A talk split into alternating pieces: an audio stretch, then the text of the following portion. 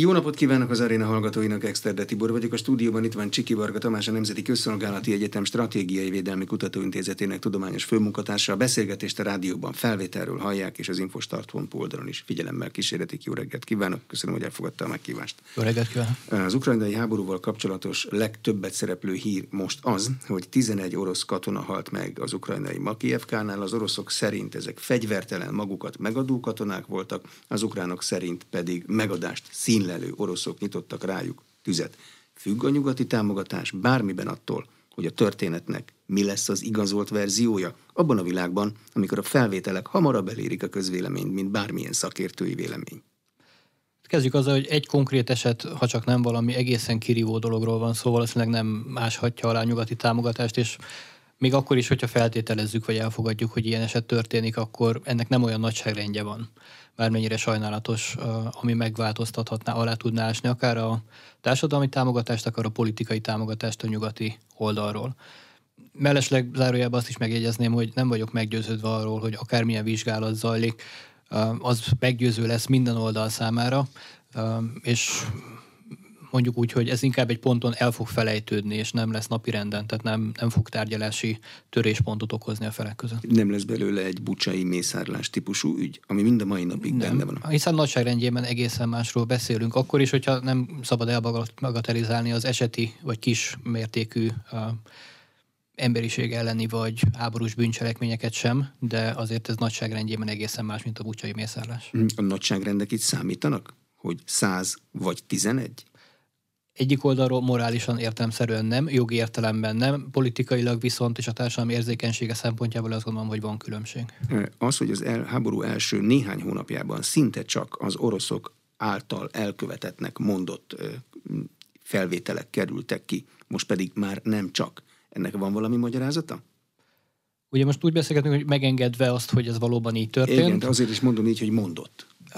És hát ennek megfelelően jelentősége természetesen van, hiszen itt a narratívák harca zajlik az első pillanattól kezdve, és az a fajta pozitív kép, ami az ukrán haderő, vagy akár az ukrán nemzetnek a, a honvédő háborúja, a hősies ellenállása, mondjuk úgy, hogy a lóbag a fényes páncélban szerepet karakterizálja, hát azon tud foltot ejteni egy-egy ilyen eset. Tehát nyilván orosz érdek az, hogy ha történik ilyen, akkor az nagyon a napnál is világosabban igazolhatóan napvilágra kerüljön. És általánosságban mondhatjuk azt, hogy nemzetközi jogi érdek és morális érdek, hogy valóban ezt kivizsgálják, és megmutatóan eldőljön, hogy kiről beszélünk és miről beszélünk. A NATO döntéseket befolyásolja, hogy a háború képe az fekete-fehére, vagy olyan, mint a háború szokott lenni, hogy mind a két oldalról történnek jogsértések? A háborút a NATO ilyen értelemben fekete-fehéren értelmezi, mert a politikai döntéseknél meg kell hozni a döntést. Tehát onnantól kezdve, hogy mellé álltak Ukrajnának, és mondjuk fegyvereket biztosítanak, a stratégiai érdek az az, hogy Ukrajna támogatását fenntartsák. Uh, ahhoz, és itt megint a nagyságrendhez térünk vissza, és ez a szürke zóna valóban, ahhoz uh, ismételten uh, ilyen érzékeny témákban, mondjuk úgy, hogy nagyobb nagyságrendben idézem, kellene elkövetni ilyen típusú jogsértéseket, hogy a, a NATO politikai oldalról átgondolja ezt a történetet, egész pontosan, hogy a NATO tagállamoknak és az egyes politikai vezetőknek kell ezt átgondolni.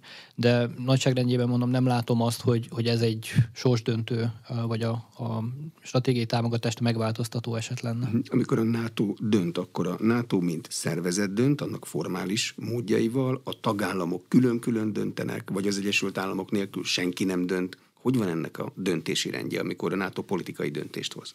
A hivatalos formát az Észak-Atlanti Tanács. Ebben minden tagállamnak a, az adott szintű képviselője ott van. Amit látni szoktunk, ugye látványosan ezek az állam és kormányfőknek a, az ülései, ez a legmagasabb szintű tanácsülés. Itt mindenki egyelő joggal, egy szavazattal ül ott, az Egyesült Államok elnöke is, a magyar miniszterelnök is, a német kancellár is. Össze ülni az Észak-Atlanti Tanács mondjuk védelmi és külügyminiszteri szinten is, ilyenre is van példa. Általában két havonta vannak ilyen és olyan formátumban összeülő tanácsülések. Ezeknek mindig a funkciója az az, hogy a külügyminiszteri az egy politikai egyeztetés, és a döntéseket ott előkészítik vagy meghozzák. A védelmi miniszteri pedig ezeknek a katonai megvalósításáról szól. Tehát a védelmi miniszteri formátum most az ukrán háború szempontjából, amikor a fegyverszállításokról beszélünk, akkor egy fontosabb formátum, de ha az általános politikai támogatást veszük, akkor a külügyminiszterinek is van komoly szerepe, de legfontosabb döntések az állam és kormányfők szintjén dől el. Tehát ezek a politikai vezetők a saját nemzeti érdekeik és felhatalmazásuk alapján mennek oda az észak tanácsba, ülnek oda és döntenek közösen, megfelelő kompromisszumokat megtalálva. Mennyire gyors ez a folyamat, amikor a védelmi miniszterek kapnak egy olyan információt, ami egy had szintéri cselekményről szól, akkor a politikai döntés ehhez képest mennyi idő alatt születik meg, vagy a védelmi miniszterek maguk is meghozhatják? Ez abszolút ügytől függ. Tehát ez a, ez a fajta, nevezük egy kényelmes döntési folyamat, amit most vázoltam, hogy itt két havonta találkoznak, ezek olyan ügyeknél, stratégiai ügyeknél működik, ami Mondjuk a 2014 után a NATO döntött arról, hogy megerősíti a keleti jelenlétet. Erről először egy politikai döntés született, annak kidolgozták a katonai módjait, hova telepítenek, milyen erőket, azt hogyan ajánlják föl, és hogyan fogják megvalósítani. Ez hónapokig, adott esetben évekig elhúzódott.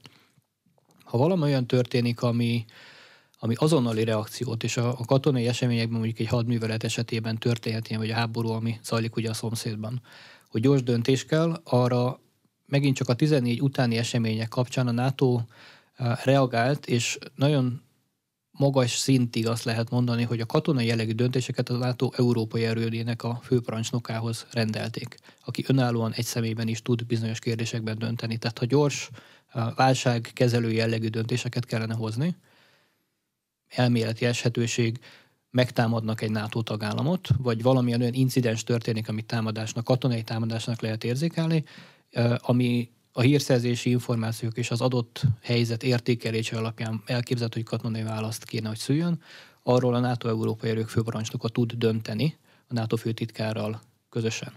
Gyakor, ez ugye a politikai és a katonai vonal. Ez azért fontos, mert valóban ahhoz, hogy a, a 30 tagállam összeüljön és politikai döntéseket hozzon, még akár online formátumban is, azért ez egy hosszabb történet, legalább néhány óra, és akkor is nagyon optimista voltam.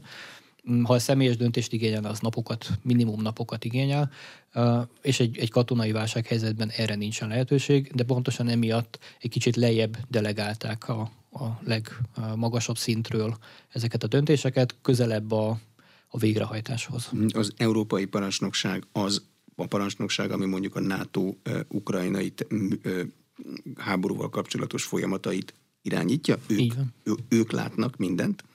Így van. Ugye ez a NATO-nak az európai hadszintérre telepített erőit jelenti. Értelmszerűen, mivel mi Európában vagyunk, ezért az összes európai tagállam ide tartozik. Az Európa szomszédságában zajló műveletek, legyen ez akár válságkezelés, humanitárius, vagy az ukrán háborúnak a, a, a megfigyelése, hírszerzési műveletek, vagy az ukrán hadseregnek a támogatása, ezek ide tartoznak. Ugye nem annyira, Európával szemlélve nem annyira egyértelmű, de hát a NATO-nak van ugye egy amerikai fele is, egy amerikai pillére is, de hát az amerikai haderő az nem tartozik a, a NATO parancsnokság alá. Hogy mennek az információk, amit mondjuk a műholdak vagy a hírszerzés Ukrajna fölött lát, az ide az európai parancsnokságra jön először, az amerikaira megy, onnan jön ide vissza. Időben nem lehet nagy különbség, mert fénysebességgel megy, de, de hova megy be először? Nyilván az európai parancsnokságra érkezik minden, a, a műveleti központba értékelik, Ugye a NATO-ban stratégiai parancsnokságok vannak, az alatt hadműveleti parancsnokságok vannak. Például Brunsonban, Belgiumban van az európai legfontosabb ilyen parancsnokság.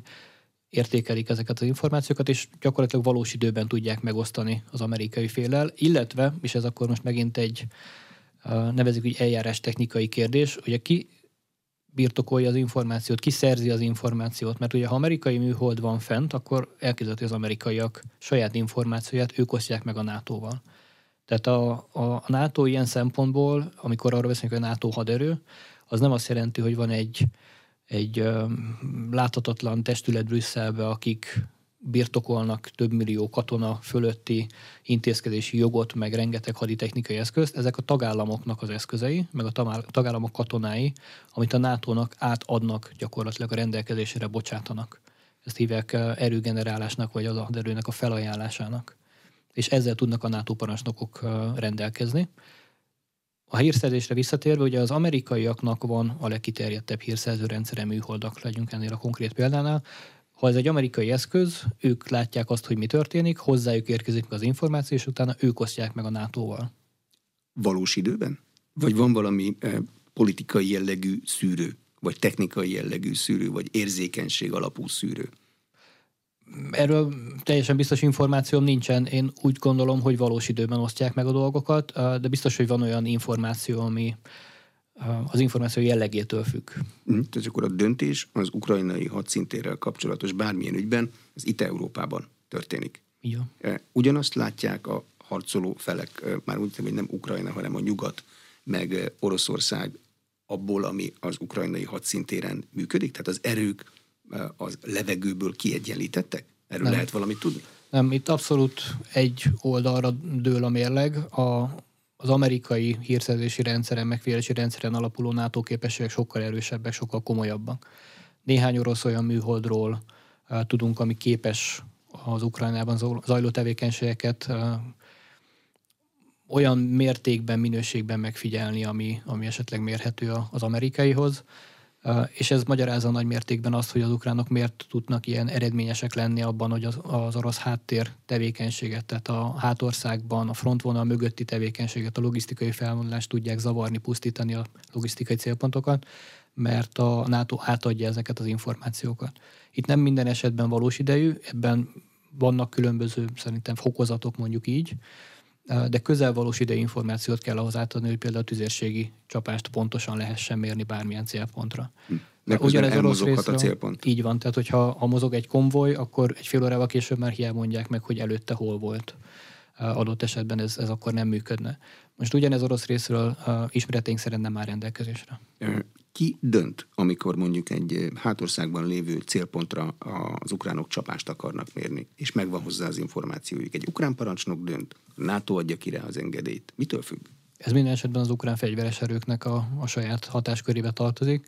Ugye a NATO nem része, a, nem részes fele, nem hadviselő fél ebben a konfliktusban. Tehát támogatják különböző eszközökkel Ukrajnát, az ukrán haderőt, fegyverekkel, hírszerzési információkkal, de ezzel nem válik cselekvő tevőleges harcoló féllé egyik NATO tagállam sem, és ennek megfelelően ugye nem avatkoznak bele a hadműveleti döntésekbe. Azt el tudom képzelni, hogy stratégiai tervezésben, modellezésben van egy komoly eszmecsere, és adott esetben igyekeznek támogatni forgatókönyveknek a legyártásával, a hadműveleti terveknek a, a legyártásával a, az ukrán haderőt, de a döntést azt minden esetben az ukránok hozzák meg, onnantól kezdve, hogy mire lövünk, a, addig, hogy milyen eszközzel, ha ez rendelkezésre áll. Van valami vörös vonal, aminek az átlépése egy NATO tagállam részéről már hadviselő féllé válást jelentene? Tehát az egy fizikai belépés kell a területre? Tulajdonképpen nem is a fizikai belépés az izgalmas, mert amerikai uh, tanácsadók, nevezzük így őket, jelen vannak Kievben például. Tehát, hogy ez, ez nem titok. Uh, a harci cselekményekben való tevőleges aktív részvétel, tehát adott esetben, hogy ők is lőnek a orosz katonákra, az egyértelműen vörös vonal lenne, és, és a háborúba lépést jelenteni. Tehát egészen addig, hogyha mondjuk marok lőfegyverrel rálő egy orosz tankra, már az is, mert hogy fegyvert használt? Hát, Ez ennyire, jog, jogi értelemben, így igen, el, jogi hogy... értelemben mondhatjuk, hogy igen egyébként, mert uh, ugye a, a háborúról szóló uh, jogi uh, kritériumok arról szólnak, hogy úgy határozzák meg, hogyha a reguláris haderő, tehát aki uniformisban van azonosítható katona, tagja fegyveres erőszakot mm, gyakorol a, másik fegyveres erő hasonló tagjával szembe, akkor ez egy háború. Tehát innentől kezdve akkor ez működik. Most, hogy ennek a nagyságrendje, tehát hogy ez most egy incidens adott esetben, mert véletlenül a határ mellett ellenőrzi mind a két fél a határt, és valami gyanús mozgást lát, és ebből valójában lesz egy lövésváltás, az, az nem jelent háborút. Tehát azért emögött kellenek még lépések, mert egyébként minden esetben folyamatosan kitörnének háborúk olyan kis jelentéktelen eseti akár emberi hibákból eredően, amik, amik egyébként nonszenszek. A zsoldos hadseregek, a zsoldos alakulatok minek számítanak? Az reguláris haderőnek számít? Nem, pont ez ugye a lényeg a, annak, hogy, hogy zsoldosnak is nevezzük őket, és ez egy nem túlzottan jól szabályozott területe a, a nemzetközi jognak. Pontosan a nemzetközi jog ezt a területet nem szabályozza megfelelően. Évekkel ezelőtt, mondjuk 20 évvel ezelőtt, ha visszagondolunk Irak-Afganisztán kapcsán, katonai magánvállalatokról volt szó. A Blackwater talán egy olyan név, ami Mindenki sokaknak tudja. ismerős. Ezt most ugye váltotta mondjuk a Wagner az oroszok részéről. Ezek a katonai magánvállalatok, ezek azért nagyon trükkösek, mert valóban nem részei a reguláris haderőnek. Innentől kezdve akár az amerikai kormány, akár az orosz kormány, amikor ezeket alkalmazza, akkor politikailag nem válik hadviselő féllé. De a zsoldos csapatok által elkövetett atrocitások, azért sem felel. Azért sem felel? Nem. Tehát ezek, mint hogyha egy magán direkt, lenne. direkt értelemben nem felel. Ugye azt, hogy kiadja ezeknek a zsoldos uh, alakulatoknak a megbízást, meg a pénzt, meg a pénzt, az egy másik kérdés ilyen értelemben, de, de jogilag nem lehet felelősségre vonni érte. A NATO haderő generálását bármilyen formában befolyásolja el, hogy a NATO jelenlegi főtitkára ilyen Stoltenberg szeptemberig főtitkár, és elindult egy választási vagy kijelölési folyamat. Vagy ez mindegy? Technikában nem, nem befolyásolja semmiben. Neki egyébként is most egy évvel már meghosszabbították a, a mandátumát.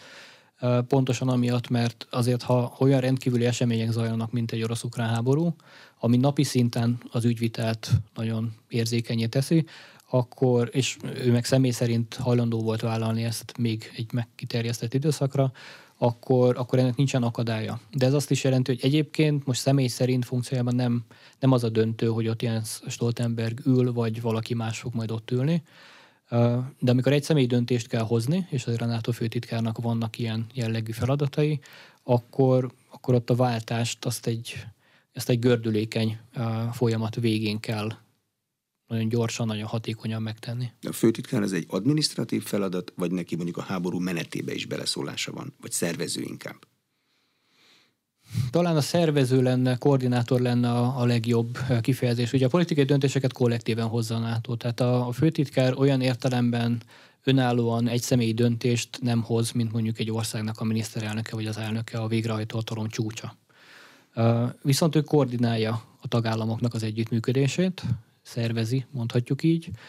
Éppen ezért az Észak-Atlanti Tanácsnak az ülésein ő elnököl, különböző formátumokban ő az, aki a, a NATO testületeket, az ő munkájukat vezeti, kvázi koordinálja, illetve nagyon fontos, hogy ő a NATO-nak az arca, tehát kifelé amellett, hogy vannak különböző főtitkár helyettesek egyes funkcionális feladatokra, részterületekre, és ők is megszólalnak, de amikor a szövetség nevében valakinek beszélni kell, akkor az ő. Tehát az ő politikai állásfoglalása, ami nyilván nem az ő személyes véleménye, hanem a, a szövetség közös álláspontja, az ilyen szempontból meghatározó. Balti államok biztonságát most hogyan szavatolja a NATO? Tett oda plusz erőket?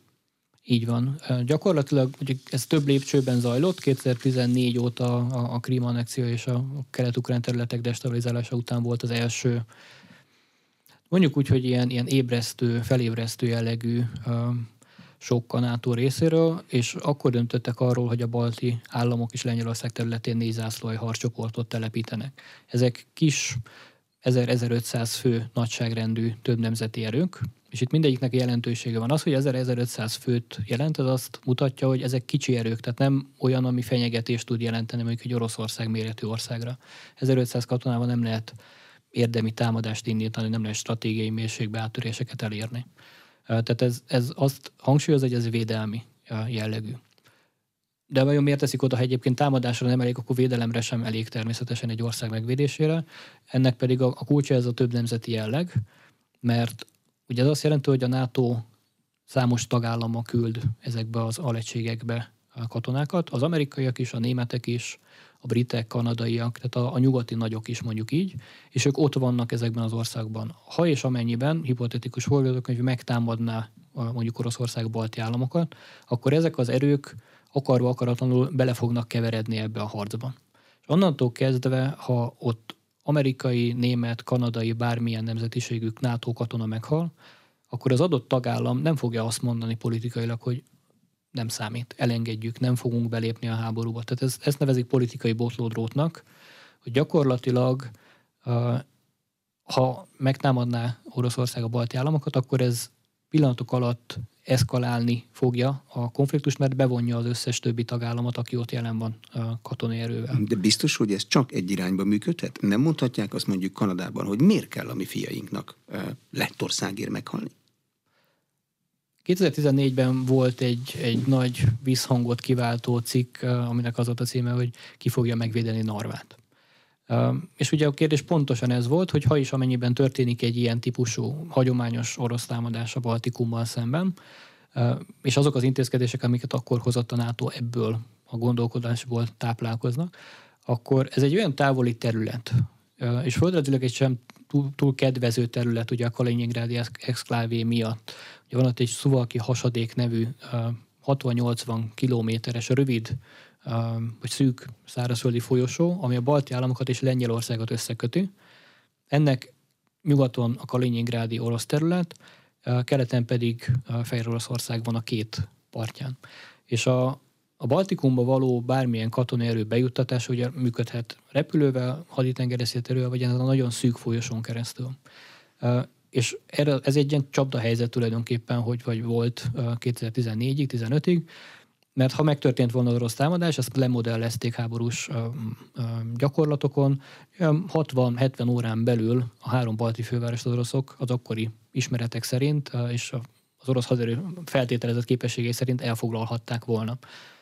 És abban az állapotában NATO-nak ez simán belefért volna abba, hogy még a politikai reakció sem születik meg, ugye ezzel kezdtük a beszélgetést, mert még egyeztetnek a tagállamok, és már egy kész helyzet elé állítják katonai értelemben a nato azzal, hogy elfoglaltak területeket. És hogy akkor érdemese ezekért a, a tagállamokért, vagy mondjuk Norváért vagy Tallinnért a nyugati szövetségeseknek az életüket áldozni. Ugye pont ez a, az egész NATO működésének a központi kérdése, a szolidaritás és a kollektív védelem hitelessége. Ha megtehetné azt bármilyen külső szereplő, hogy megtámad egy tagállamot, és a NATO nem képes reagálni, mert nincs politikailag összhang, mert olyan lassan dönt, hogy már megtörténik minden, és túl vagyunk az egész akción, mire, mire a NATO megmozdul, vagy nincs katonai erő, sem ott, sem máshol, ami, ami reagáló képes, amit be lehet vetni, amivel ezt a területet meg lehetne védeni, akkor egyetlen alkalommal demonstrálva, hogy a NATO nem cselekvőképes, az egész szövetség gyakorlatilag elbukna, szétesne. Mert onnantól kezdve kihinné el azt, hogy meg fogják védeni, és ez nagy mértékben azért egy, egy alapvető szolidaritásra, politikai, társadalmi szolidaritásra épít. Tehát ha, ha megkérdelezzük azt, hogy a NATO tagállamok valóban azt gondolják, hogy font, tehát a, mondjuk Spanyolország fontosnak gondolja azt, hogy, hogy a Baltikum biztonsága, békéje az, az meglegyen. Katonai értelemben védett legyen a Baltikum. Vagy Görögországot izgatja az, hogy Izlandnak a, a, a biztonsága az rendben van-e vagy nem. Ha ezt megkérdezzük, és azt gondoljuk, hogy erre nem a válasz, akkor az egész NATO kérdés lehet, hogy irrelevánsá válik. Viszont hát mindenki abba az irányba igyekszik hatni, és minden kisebb egy tagállam azt gondolom, hogy inkább az ön érdeke az, hogy ebbe az irányba hasson, hogy egy olyan nagy szereplővel, egy nagy katonai fenyegetéssel szemben, mint amit potenciálisan Oroszország tud jelenteni, összefogva kelljen, vagy lehessen fellépni. Tehát ez az egésznek a racionalitása, hogyha engem megtámadnak, akkor engem majd megvédenek a barátaim, ha a barátaimat támadják meg, akkor én is besegítek. Főtitkár személye az új. Látszik-e már? Jelöltek vannak-e már? Még az előző, tehát az egyéves hosszabbítás előtt volt uh, szó arról, hogy négy-öt nevet bedobtak a, a köztudatba, de alapvetően itt nem a, nem, talán nem a személy, a konkrét személy az, aki első körben izgalmas, hanem hogy milyen nemzetiségű lehet, vagy a tagállamok mely csoportjához a NATO-nak melyik, melyik ágához, melyik szárnyához kapcsolódhat a vezető. Mert hogy ennek funkcionálisan, politikailag is van nagyon komoly szerepe. Ugye egy konszenzus építő, konszenzus teremtő koalíció építő szerepe van folyamatosan a főtitkárnak, ugye abból a funkcióból eredően, hogy ő az, aki szervezi a szövetségnek a közös fellépését. Tehát fontos az, a, fontos az hogy minden tagállam valóban ismerje, elismerje, elfogadja, akár csak közvetítő félként is elfogadja az új főtitkárnak a, a személyét. De a Nyilván, személyét vagy a tagállamát? Tehát a tagállam megítélése fontos, vagy a személy? Ez esetben fontos. a kettőt nem hiszem, hogy el lehet választani. Tehát ha, ha, ha lenne olyan tagállam, aminek borzasztó rossz a megítélése a nato belül, akkor nem gondolom, hogy bárki arról kezdene el tárgyalni, hogy akkor onnan válasszunk főtitkárt, mert valami oka van annak, hogy ha a tagállamot nem jól, nem, nem, nem csípik a többiek, tehát nem, nem akarnak vele együttműködni, vagy nem, nem az a kép alakul ki róla, hogy együtt akar működni. Um, hasonlóképpen ugye vannak olyan nagy tagállamok, amik, akiknek a az államnak a politikai, gazdasági, katonai súlya, és nyilván az onnan származó politikai vezetőnek a politikai súlya is nagy. Tehát klasszikusan ugye mondjuk brit főtitkár volt már rá példa ugye többször, az északi államok által adott főtitkár is, ugye azért Stoltenberg is ezért működött, mert mondjuk azt, hogy nem egy, nem egy elfogult háború párti nézet az, amit az északi államok általában vallanak. Tehát egy, egy higgadt, békepárti, stabilitáspárti, válságkezelésre érzékeny. Tehát egy, egy olyan típusú külpolitikát folytató országról beszélünk, az északiakról beszélünk, ami, ami alapvetően jó, nem egy forró fejű, most a, ha a karaktereket akarok mondani. Um, és az északi államok is általában az európai politikában inkább közvetítő szerepet játszanak, vagy a, a világpolitikában, mert ugye a NATO-nak ilyen szempontból világpolitikai szerepe is van. Ha a NATO arcáról beszélünk, akkor hogy kifelé mondjuk ne egy olyan országról országból származó főtitkáról beszéljünk, aminek egyébként mondjuk a déli szomszédságban vagy a keleti szomszédságban kifejezetten rossz a, a, a megítélése, mert előzetesen politikai, a saját nemzeti politikai szerepében uh, ostorozta az ottani szereplőket. Tehát uh, erre azért tekintettel vannak. Um, az nem annyira jellemző, hogy pici NATO tagállamból érkezzen a, a, főtitkár, um, illetve elképzelhető, hogy, hogy politikai üzenet akarnak ezzel is küldeni. Például az, hogyha a 99-2004 után csatlakozott, tehát a későn, csatl, idézővel későn csatlakozó NATO tagállamok területéről mondjuk egy lengyelt választanának NATO főtitkárnak, annak biztos, hogy nagyon komoly politikai üzenete lenne. Ez most nyilván Oroszország felé lenne, nem biztos, hogy ez a jelenlegi helyzetben ez lenne egy bölcs döntés. Mert a, a lengyel-orosz kapcsolat és a, a lengyeleknek a mostani nagyon harcias hozzáállása a, a keleti végeken zajló eseményekhez, az nem biztos, hogy a NATO esetében a, a, a megfontolt, higgadt párbeszédet jelenteni. Ha, ha keménységet akarna sugalni a, a szövetség, akkor lehet, de én azt gondolom, hogy mondjuk egy, egy NATO-Oroszország kapcsolatban még a hidegháború idején is nem, a, tehát nem az a fajta keménység dominált, hogy oda a, szurkálunk a másiknak, és, és piszkáljuk a másikat, hanem egy, egy nagyon professzionális, nagyon pragmatikus keménység, hogy katonailag eddig és ne tovább, de politikailag kell egy kapcsolat, és ez egyébként abszolút igaz a, a NATO és mondjuk Oroszország viszonyában, hogy az amerikai-orosz viszonyban is megvan, a mai napig megvan, ugye az a híres forró drót, az a fajta a vezérkari főnökök közötti állandó és élő kapcsolat, hogyha van katonai incidens, akkor tudjanak szólni egymásnak, hogy itt nem a harmadik világháborút akarjuk elkezdeni, hanem valami baleset történt. Tehát a NATO főtitkár személy ilyen szempontból nem egy lejátszott meccs. Olyanról is volt plegyka, hogy esetleg törököt lehetne. Én erősen meglepődnék, a török nemzetiségű vagy hátterű lenne a, a, a következő NATO főtitkár, mert Törökország megítélése sem olyan pozitív minden szempontból, illetve hát vannak olyan tagállamok, ahol, ahol bilaterálisan is ügyek vannak, konfliktusok, például Görögország, hogy az elmúlt években a, a francia-török viszony azért nem volt olyan nagyon gördülékeny. Meg az amerikai török sem. És az amerikai török sem. Tehát, hogy itt több olyan dolog van, ami mondjuk egy, egy török főtitkát nem annyira lesz valószínűvé. És Ursula von der Leyen bizottsági elnök, korábbi honvédelmi miniszter a radaron van, mint NATO főtitkár? Jelölt? Én akkor, amikor itt egy évvel ezelőtt a, a kérdés napirenden volt, akkor az ő nevét még nem hallottam, de hát nála is ugye a, a bizottság munkájához kapcsolódóan elképzelhető, hogy változtak a, a lehetőségek, erőviszonyok. Technikailag egyébként működhet. Ugye láttunk olyat, hogy a NATO és EU főtitkár pozícióból váltott valaki, hogy Javier Solana jött-ment, és működött mind a kettő, mert ugye funkcionálisan egyébként azt gondolom, hogy minden olyan készségnek a birtokában van, és ez nagy tagállam, megfelelő gazdasági háttérrel, és mondjuk olyan tagállam, akinek katonailag elvileg most lenne a lehetőség, hogy megmutassa, hogy valóban komolyan veszi a védelmi kérdéseket. A 22. február végén bejelentett nagy védelmi irányváltás, amiről a németek beszéltek, ugye az a 100 milliárd eurós védelmi ipari alap, amiből modernizálni szeretnék a, a Bundeswehr bizonyos képességeit, vagy annak egy részét, ezek igazából az elmaradásoknak, a lyukaknak a befoltozása. Vagy az a szerep, amit a németektől várnak most már 20 éve gyakorlatilag, amit mi normalizálódásnak hívunk, hogy lépjen föl valóban nagy hatalomként, katonai értelemben is. Ne csak gazdasági értelemben. Ne csak gazdasági értelemben. Ennek lehetne egyébként egy ilyen típusú felelősségvállalás eleme az is, hogy a NATO főtitkár német.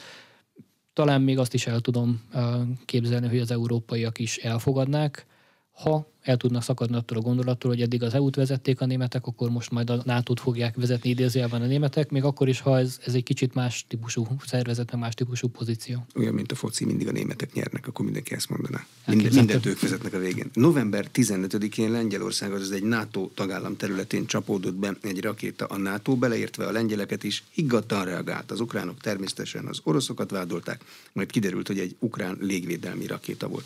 Van-e a NATO-nak arra forgatókönyve, ha a háborúzó felek közül bármelyik provokálná a nato akár egy fegyverbeesésével. Mondhatjuk azt, hogy van, legalábbis olyan értelemben, hogy nyilván mindenféle esetőségre azért a NATO tervező, előkészítő testületei készülnek. De ez abszolút esetfüggő. Tehát amit most láttunk, ez, ez megint olyan, ami, egy életben egyszer történik meg, hogyha ha az ember a, az esélyeket latolgatja, tehát ez egy ritka eset. Az is, hogy a NATO közvetlen szomszédságában ilyen nagy háború zajlik, az is, hogy itt a NATO határhoz közel történjen valami olyan esemény, aminek a következménye a NATO területet érinti. Volt már olyanra példa egyébként, hogy egy szomszédságban zajló konfliktusnak NATO tagállam civil lakosa esett áldozatul, a Falkland háborúban, ugye az nem is Európában zajlott, ott is volt, hogy brit civilek vesztették életüket, illetve a szíriai harcok során, ugye Törökország NATO tagállamként ott is volt, hogy török civilek török területen vesztették életüket. Annak akkor nem volt ekkora láthatósága, és nem volt ennyire média figyelem és politikai figyelem középpontjában, de nyilván ez most az adott esetre vonatkozik, ami, amit mi most láttunk. Ilyen esetekben mindig a nato azon kívül, hogy, hogy meg kell nagyon konkrétan vizsgálni, még mielőtt bármiféle komoly álláspontot kialakítani, és elkezdene vagdalkozni, hogy ezt ki csinálta, vagy ki nem csinálta. Tehát mielőtt, mielőtt politikai felelősséget kezdene hangoztatni valaki. A legfontosabb az az, hogy, hogy az eszkalációt, a feszültségkeltést elkerüljék. Tehát egy nyugodt, pragmatikus álláspontot kell fölvenni. Maga az eset az alapján is, hogy az első információk mutatták, nem azt mutatta, hogy itt valaki szándékosan megtámadta volna a nato hanem ez valamilyen uh, véletlen lehet. Feltételezésként nyilván számolni kell azzal, mi van, hogyha provokatív jelleggel be, uh, belőnek NATO légtérbe, vagy uh, rakétát irányítanak valamilyen NATO tagállam területére. De összességében egyből arra nem szabad a NATO-nak lapot húzni, tehát 19 lapot húzni, hogy igen, itt akkor minket mi provokáltak, és valamit csinálunk. Lehet olyat csinálni, ez egyébként abszolút a napi forgatókönyvben benne van, hogy például a NATO erők készenlétét magasabb szintre emelik. De vagy az adott tagállam lépés bejelentik, hogy magasabb szintre emeltük, de valójában a csapatokkal nem történik ilyenkor semmi? Hát a, ugye a magasabb szintre emelés a készelétnél az azt is jelenti, hogy akkor a csapatok bevethetősége mondjuk nem két nap, vagy 24 óra, hanem mondjuk 6 óra, 2 óra, tehát a, a, a légvédelmi erőknél szokott, ugye a magyar ripenek vannak a Baltikumba, de a Magyarországon, ha állomásoznak, akkor is ugye készeléti szolgálatot adnak, ha valamilyen ismeretlen, azonosítatlan repülőgép belép a magyar légtérbe, akkor a gripeneket riasztják, felszállnak az egy, az egy azonnali reakció. Tehát ott, ha, ha ilyen riasztás van, a pilóták ott ülnek vagy a gépben, vagy a gép mellett gyakorlatilag várják, és két percen belül fel kell tudni szállni, mert a magyar légtér kicsi. A NATO készenlét nyilván nem ilyen szintű, de akkor, hogyha valamilyen eset, valami incidens azt indokoltá teszi, hogy magasabb szintre emeljük a készenlét, ez azt jelenti, hogy mondjuk nem mondom két nap, hanem mondjuk egy napos készenlétbe, és akkor a, a személyállományt is közelebb rendelik, vagy berendelik mondjuk a bázisokra, vagy a, az eszközöket, amiket adott esetben bevetnének, akkor azokat még egyszer leellenőrzik, hogy minden bevethető, minden működőképes, fel van töltve valóban fegyverrel. Ugye nem, nem úgy vannak a nemzeti aderők sem, hogy mindenki azonnal a, a ravaszon tartja a, az ujját, és minden fegyver föl van telepítve a, a repülőgépekre, és azonnal bevethető. Egy kis százalék, egy kis része az eszközöknek igen, de hogyha valamilyen oknál fogva mégis lenne komoly esély arra, hogy itt fegyveres harcra kerül sor, akkor ennek a mennyiségét bővítenék, és a reakcióidőt megcsökkentenék. Ja, az első sajtóhírekben szóba került a kollektív védelemről szóló ötödik cikkely, aztán ez enyhült a tanácskozásról szóló negyedikre, végül a lengyelek a negyediket sem kérték. Van fokozatosság a negyedik meg az ötödik között? Vagy mindjárt, ha baj van, akkor az ötödikkel kell kezdeni? Nem, természetesen van fokozatosság, sőt, ugye az, hogy az ötödik került először szóba, ezt, ezt én talán a médiának tulajdonítom. Mert hát hogy... Persze, a médiában úgy jelent meg, hogy rakétatámadás érte Lengyelországot, amikor ezt én olvastam, megállt bennem a vér. Mert hogy tehát az ötödik cikkelynek az a normális menete, hogy van egy előző lépés a negyedik cikkely. Mert hogy mi alapján léptetnék életbe a kollektív védelmet, ha előtte nem konzultálnak. Ugye az ötödik cikkeit is kollektíven, tehát a 30 tagállam közösen lépteti életbe úgy nem tudok belép, életbe léptetni egy, egy rendelkezést, hogy előtte nem beszélem meg, hogy miről, miről szól ez az egész, miért kellett, ki ellen, milyen intézkedésekkel, ki fogja azt végrehajtani. Tehát ezt inkább egy ilyen média hype-nak gondolom, hogy, hogy egyből mindenre az ötödik cikke, mert az, az egyébként nagyon jó, hogy bevésődött, hogy van egy kollektív védelmi ötödik cikkely, de, de ennek mindig az elsődleges előzménye az, hogy, hogy konzultálunk és megegyezünk, eldöntjük, hogy egyáltalán kell-e tovább menni. De most bocsánat, a, csak a beszélgetésünk elejére visszatérve az ötödik cikkeit, akkor a NATO európai parancsnoksága nem tudja aktiválni. Az ötödik cikk ez egy politikai, politikai. döntés, hm. tehát ott, ott a, az észak tanácsnak kell közösen döntést hozni. A megelőző hadműveleteket, ha szükséges, azt meg tudja csinálni az európai parancsnokság, a védő, védekező hadműveleteket, de nem mehet be eh, hadszintérre. Mondjuk Ukrajnába. Itt megint van egy nagyon fontos különbség. Ugye a NATO az egy védelmi szövetség. Tehát a NATO-nak semmi keresni valója Ukrajnában nincsen. Nem, nem tudok olyan fordítókönyvet elképzelni, hogy a NATO haderőnek Ukrajnába kellene háborút vívnia. A NATO a, területe, a tagállamoknak a területét védi meg. Um, de ide való eszközökkel, akkor itt védekező eszközöket, légvédelmi rendszereket, mint amit a lengyelek most kapnak a legújabb hírek szerint a németektől új patriót rendszereket fog telepíteni a NATO. Igen. Így kell elképzelni, hogy hogyha ha magasabb szintre emeli a veszélyes tetettségi fokot?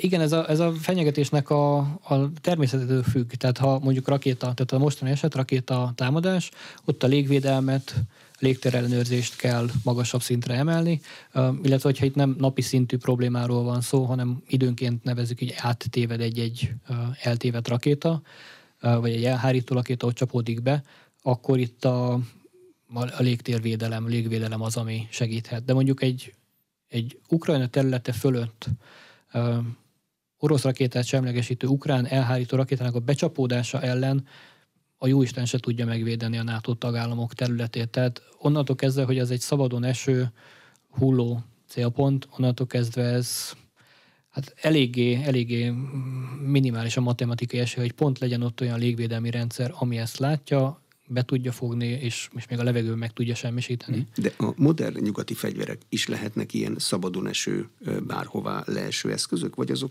meg tudják magukat semmisíteni, vagy valahol mondjuk egy eltévedt rakétát, egy HIMARS-ot ki lehet kapcsolni, vagy meg lehet indítani az önmegsemmisítőjét, hogy legalább ne robbanjon, hogyha leesik. Én nem tudok ilyen, ilyen mechanizmusról, hogy lenne. Tehát a, a, a balisztikus nukleáris rakétáknál ott a, valószínűleg van valamilyen ilyen megsemmisítő mechanizmus, de, de ezek harcászati, a, hadműveleti rakéták, tehát nincs normál tehát eset, tehát, nem lehet kikapcsolni, hogyha igen, normál volna, akkor ezeknek nem, nem az a nem az a felhasználása. Azt lehet, hogy mondjuk ugye irányított, tehát precíziós lőszerről ha, ha érzékelem azt, és valóban van irányítási képességem, és érzékelem azt, hogy rossz célra megy, bármilyen oknál fogva eltéríti valami a, a jelet, és rossz célra megy, akkor mondjuk nem engedem meg, hogy civil célpontra csapódjon meg, hanem megpróbálom valahol félre kormányozni.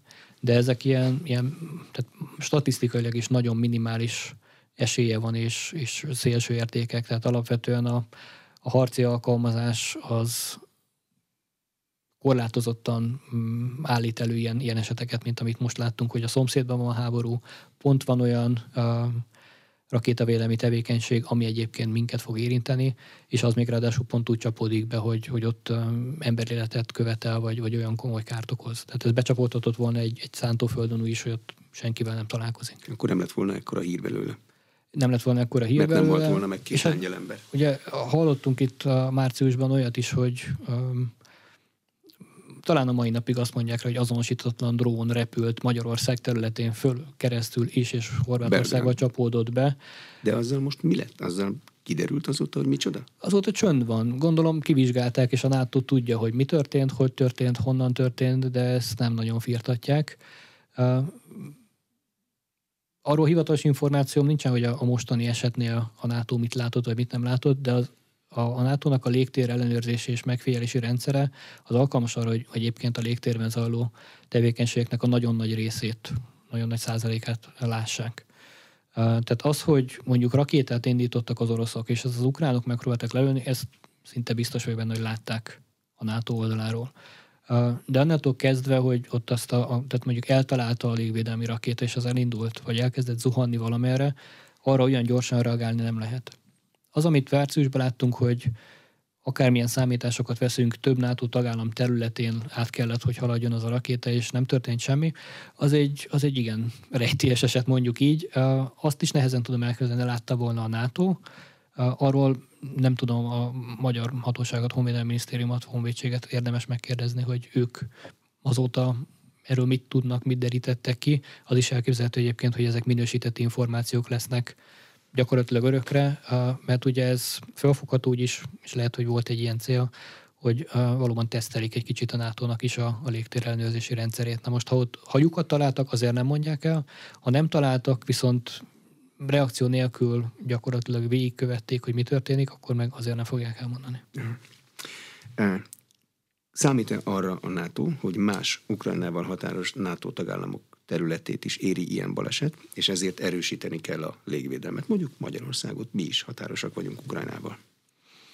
Technikailag nyilván számolni kell vele, mert az esetősége megvan.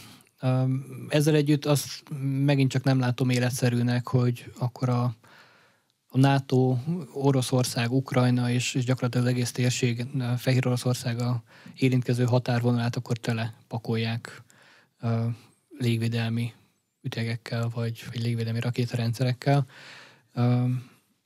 mert ez statisztikailag tényleg egy, egy elhanyagolható, ezt nem tudom másnak nevezni, tehát nincs annyi eszköz, nincs annyi képesség, és most abszurdnak hangzik, mert emberületekről beszéltünk most ennél a konkrét esetnél, de hogy, hogy nem feltétlenül éri meg.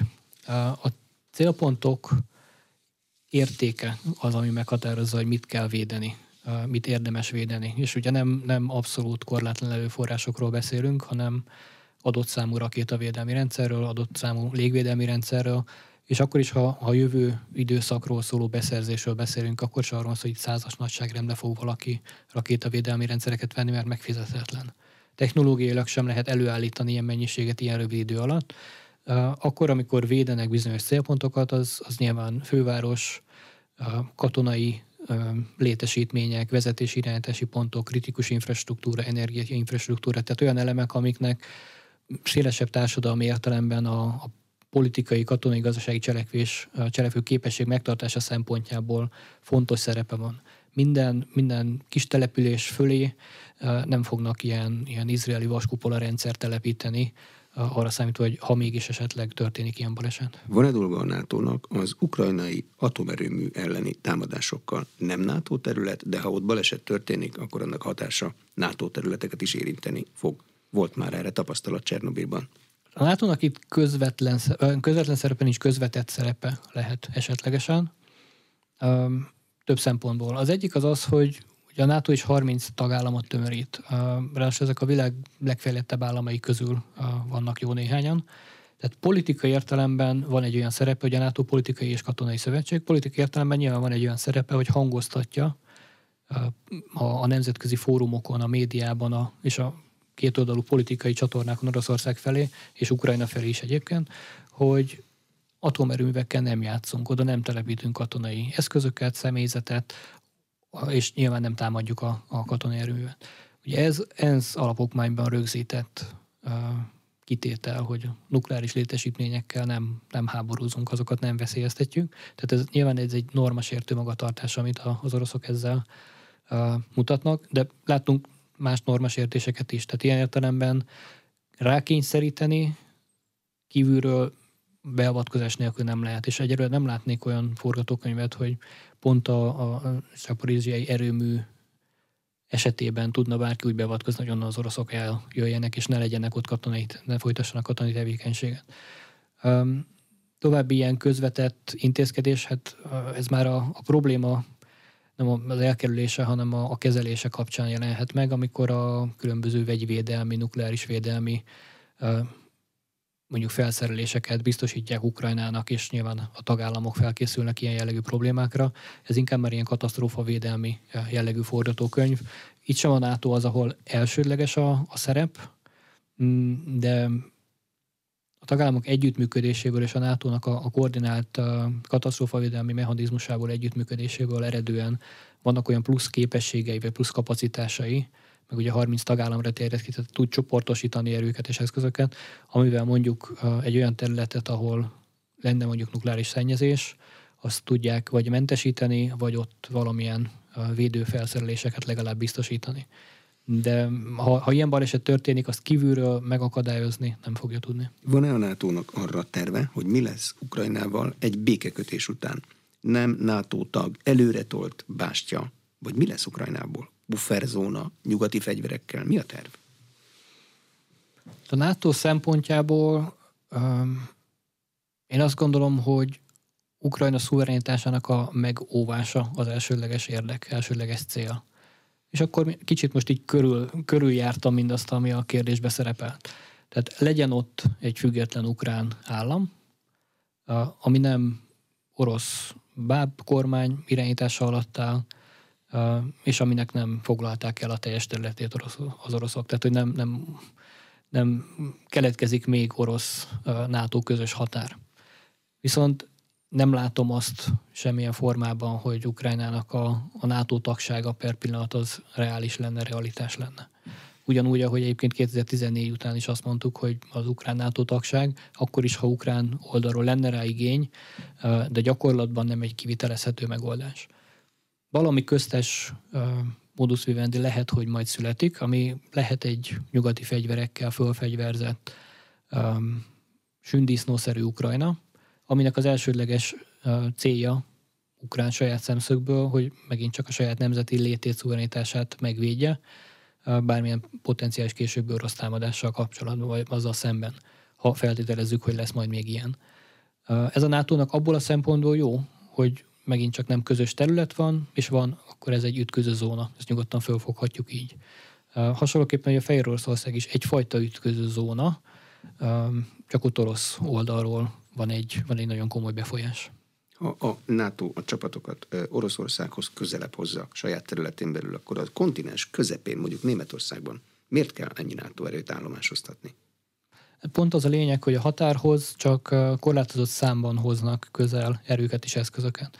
Tehát úgy van a, a tervezés ki balanszírozva, hogyha ha gyorsan kellene reagálni, tehát véletlenül komoly katonai konfliktusnak a jelei jelennek meg, akkor azok a, az eszközök rendelkezésre álljanak, és olyan mennyiségű katona rendelkezésre álljon, amivel az első 48 vagy 60 órában lehet védekezni. Tehát ez az előre telepítés. Egyébként viszont minden más, ami mondjuk Amerikából előre települő nehéz technikát jelent, vagy olyan eszközöket, ami, ami már a nato az elrettentési funkcióját jelenti. Tehát nem az első a védelem, a másik az az elrettentés, az pedig arról szól, hogy Németországba betelepítünk olyan erőket, hogyha véletlenül egy komoly háborús konfliktus kialakulna, akkor azokat tudjuk mozgatni a front felé, és be tudjuk vetni. Vagy adott esetben oda települnek amerikai F-35-ösök, aminek a, a hatótávolsága az olyan, hogy onnan még simán el lehet érni mondjuk Lengyelország keleti határáig is. Az F-35-ösöket telepítenék a, a fehér orosz a lengyel határa, annak ugye más a politikai üzenete. Annak a hatósugara már bőven Oroszország területe fölé ér de a NATO továbbra is ugye védelmi szervezetként, szövetségként definiálja magát, tehát nem az a cél, hogy meg tudja támadni Oroszországot, és nem is ilyen üzenetet akar kelteni, nem, nem fenyegetés percepciót akar erősíteni Moszkvában. Köszönöm a tájékoztatást. Az elmúlt egy órában Csiki Varga Tamás, a Nemzeti Közszolgálati Egyetem Stratégiai Védelmi Kutatóintézetének tudományos főmunkatársa volt az aréna vendége. A műsor elkészítésében Módos Márton főszerkesztő vett részt. A beszélgetést a rádióban most felvételről hallották, és az infostart.hu oldalon is figyelemmel kísérhetik. Köszönöm a figyelmet, Exterde Tibor vagyok.